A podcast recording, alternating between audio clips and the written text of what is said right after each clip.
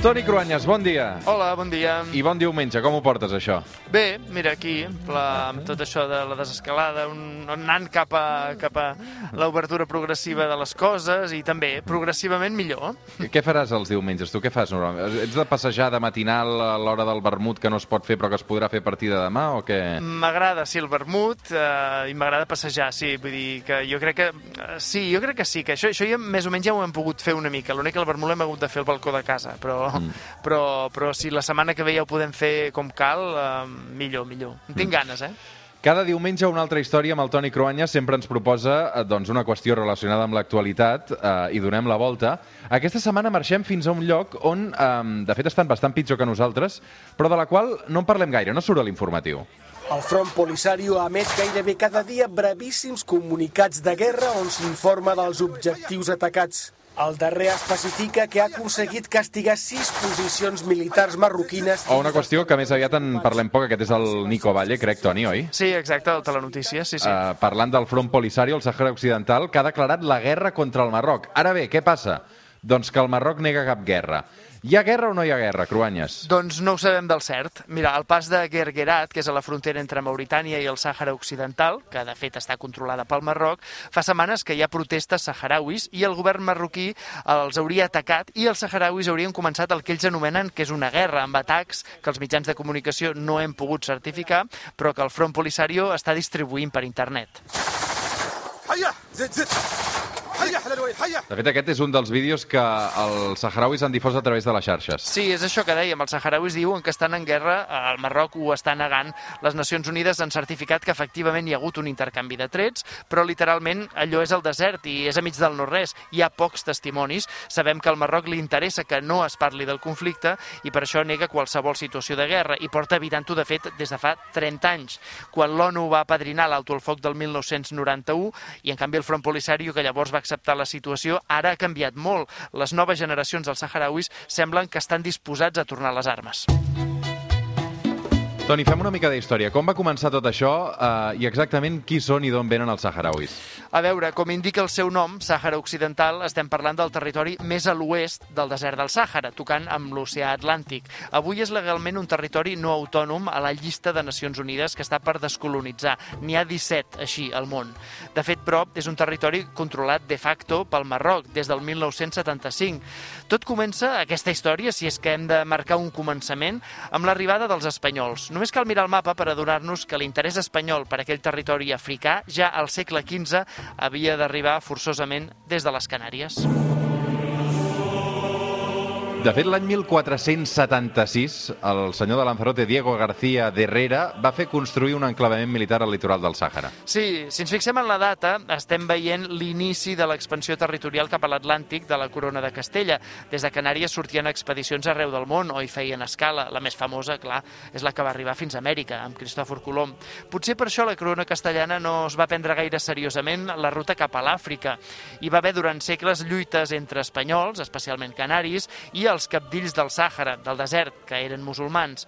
Fixa't que va ser des del segle XV, però no fins al XIX, ja amb la batalla de Tetuán entre el Marroc i Espanya, que es va aclarir finalment la preeminència espanyola. Aquella batalla va enfrontar l'exèrcit de la reina Isabel II d'Espanya contra el rei Mohamed IV del Marroc. La literatura espanyola, de fet, n'ha cantat grans glosses d'aquells herois nacionals. El dia 6 de febrero nos tenemos que acordar los españoles en la plaza de Tetuán. Però què va passar, Toni, al final? Doncs que el Marroc va acabar sent bàsicament colònia francesa i no espanyola. Bé, el gruix de l'actual Marroc sí que va ser una colònia o protectorat francès, però va quedar en mans d'Espanya justament la regió de Tetuán, que inclou els enclavaments de Ceuta i Melilla, que encara són espanyoles, i també tota la part del Sàhara Occidental. De fet, no va ser fins al 1956, després de la Segona Guerra Mundial, que França va abandonar el Marroc. En l'imaginari col·lectiu, els últims moments d'autoritat de França al Marroc es poden veure a la pel·lícula Casablanca, on ja es veu amb claredat que els francesos hi pinten cada vegada menys. You must remember this La pel·lícula amb el final cèlebre, aquest és l'inici d'una llarga amistat, Toni. Irònicament, la independència del Marroc va ser l'inici d'una llarga amistat dels successius reis del Marroc amb les potències europees, amb França, però també amb Espanya. A veure, cal dir que el Sàhara Occidental és molt pobre, un extens territori de desert i poca cosa més.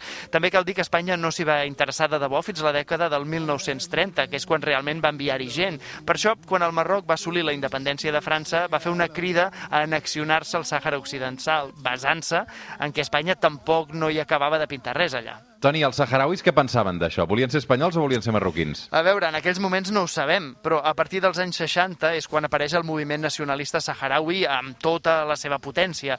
El Front Polisario acaba prenent forma el 1973, després de la brutal repressió de les autoritats espanyoles contra una manifestació nacionalista saharaui a El Ayun, i això és l'any 1970.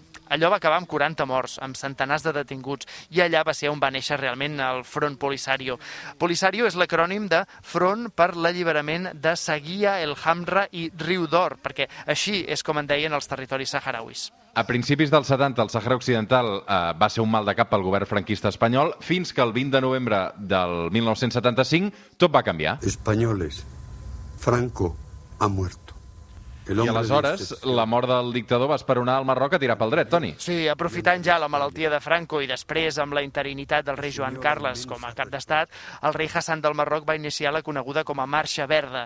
Milers de marroquins van travessar la frontera, reconeguda internacionalment. La pressió va ser tan gran que Espanya va abandonar el territori del Sàhara Occidental i els saharauis van quedar sols davant la imposició territorial i política de Hassan II. Des d'aleshores el Front Polisario i la seva resistència saharaui ha estat establerta a la veïna Algèria. Sí, han passat dècades vivint en una situació d'aparent interinitat. Els campaments de Tinduf són clarament això, eh? campaments. Però, en canvi, hi viuen famílies que ja han passat de 3 o 4 generacions.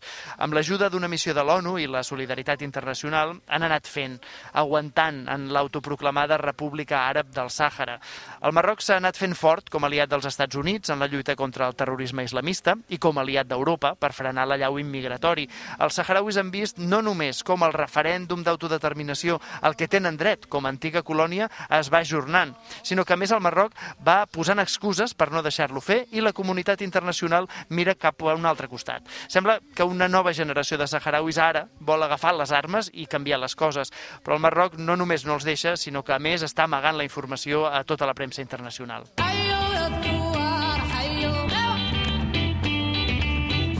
Avui una història també que ens toca de prop. Toni, a les 9 del matí com hi arribarem? Doncs mira, aquesta cançó és una cançó tradicional saharaui, però aquí versionada per Marien Hassan, que és una crida a la lluita. El poble saharaui ha viscut des de fa dècades amb aquest esperit de lluita que impregna la seva cultura, també l'impregna el, el sentiment de resignació. Catalunya ha estat molt solidària amb ells, especialment amb molts fills dels refugiats que han vingut a passar estius aquí, que s'han establert alguns lligams d'amistat. No els podem oblidar, i menys ara. Toni Cruanyes, un plaer, com sempre. Una abraçada. Bon diumenge.